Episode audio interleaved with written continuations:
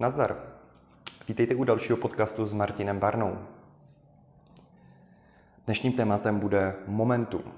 Všiml jsem si, není to až tak nečekané, že spousta z nás má obrovský problém udělat první krok a vydržet v těch krocích dalších. Dává to celkem smysl, protože ono se neříká nadarmo, že udělat první krok je nejtěžší. Protože většina lidí, co už má za sebou těch kroků více, tak už je více jednak v návyku, to znamená, dělají to už proto, že se s tím setkali a je to pro ně trošku víc familiar, eh, povědomé nebo známé, a tím pádem je snaží potom to dělat znovu. A další věc je potom emoce. No a taky to, že když už se vám něco vícekrát podaří, tak z toho máte pocit odměny a nabíráte právě to takzvané momentum. To znamená v překladu pro vás. Když půjdu poprvé do fitka, bude pro mě velmi těžké tam poprvé vejít, protože se stydím. Příklad. Myslím si, že jsem tlustý. Myslím si, že jsem strašně malý jako kluk a nemám žádné svaly. Myslím si, že se mi ti lidi budou smát třeba. A prostě se bojím. Jsem prostě člověk. A teďka, pokud se mi podaří překonat tenhle první krok, což třeba může hodně pomoct nějaký kamarád, kamarádi nebo coach, trenér, anebo třeba nějaká ano, i třeba celebrita nebo nějaký fitness model, kterého sledujete na internetu, nebo fitness modelka, který je váš vzor, a tak nějak vás tou emocí, kterou cítíte z toho člověka, jak to z něho září, když chodí do toho fitka, když cvičí a máte pocit, že to prostě může přece jenom v tom fitness asi být fajn, i když se bojíte a to převládne. A vy prostě do toho fitka třeba vejdete. Samozřejmě těch důvodů může být spousta, ale pojďme se držet skriptu a pojďme teda na to, že řekněme, už jste v tom fitku byli.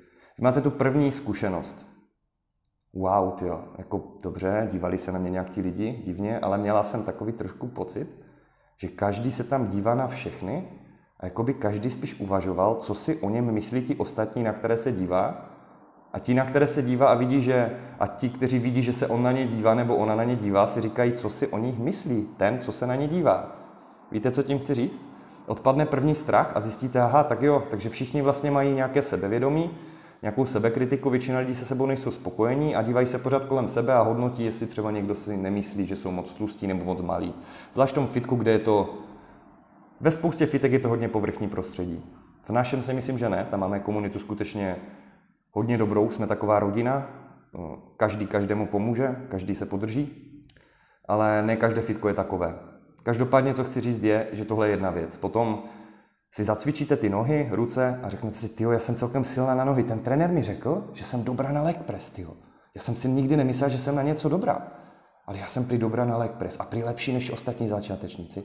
Wow, já se těším strašně na příště. A příště přijde znovu, udělá leg press, udělá další pokrok, i kdyby zvedla o dvě kila víc, a zkusí dřepy. Tyjo, ty dřepy mi moc nešly. No jo, tak zkusím je příště znovu, mě to baví. A když mi šel ten leg press, tak ty dřepy zvládnu přece taky. A trenér říkal, že když opravím to a to a budu doma trénovat, takže i ty dřepy budou lepší. tak přijde znovu do toho fitka a ovládne i ty dřepy. A už má za sebou několik vítězství, i proher, ale i vítězství a nabírá to momentum. Mezitím se buduje ten návyk, že ta holka byla už ve fitku třeba třikrát za ten poslední týden a další týden je pravděpodobnější, že půjde znovu cvičit. Já neříkám, že půjde třikrát cvičit, ani že půjde 200krát cvičit. Já říkám, že je pravděpodobnější, že půjde zase cvičit, protože už s tím má zkušenost, má už nějaký návyk, který buduje tím, že tam párkrát byla a zároveň podporuje to momentum, které nabírá. A pokud to skutečně udělá a bude pokračovat, v čemž zpočátku prostě hraje hodně roli motivace, Pušte si prosím moje video motivace, kde to velmi podrobně rozebírám, protože je velmi důležitá. A i když není navždy, tak jako není navždy třeba uh, žádný člověk, všichni umřeme a tak dále, tak může být velmi účinná a velmi efektivní. Tak jako třeba, i když člověk jednou vždycky umře, tak může za ten život třeba dát ostatním hodně užitku a předat něco dál. No a takhle ta holka začne cvičit, začne chodit do toho fitka častěji a mezi tím uvidí výsledky. A potom se z toho, díky toho momenta, stane kromě toho, že tam je návyk, že ona bere automaticky ty dneské úterý, tak bych asi měla jít cvičit a když nejde cvičit, tak je to něco jako když si neumíte zuby. Svět se nezboří, ale máte takový ten divný pocit, že jste asi měli udělat něco, co jste neudělali. A to je v tomhle případě dobře, protože to je podle mě pozitivní návyk. Pokud se vám nelíbí fitness, dosaďte si třeba běhání, jogu, cokoliv vás baví. Tady jde čistě o ten princip. No a teď začnou přicházet ty výsledky A díky toho návyku, už vybudovaného momenta a výsledku, ta holka třeba dlouhodobě bude trénovat ve fitku, zlepší své zdraví, zlepší svou tělesnou kompozici, bude se cítit lépe, bude na tom lépe psychicky, prokazatelně je to dobré i pro mozek, a půjde dobrým příkladem. A její manžel, který má nadváhu, když uvidí, že ona takhle chodí sama, ne že mu to vnucuje, ale že ona jde příkladem, tak jednoho dne si řekne, já půjdu s ní. A tady začíná cesta dalšího člověka, kterému se začíná budovat návyk a momentum. Akorát tam je ten první krok, že zrovna manželka ho hecla na ten první krok, takové to, jak on, on poprvé přijde do toho fitka a bude se říkat to samé, co jsme si řekli od začátku tady ten celý příběh.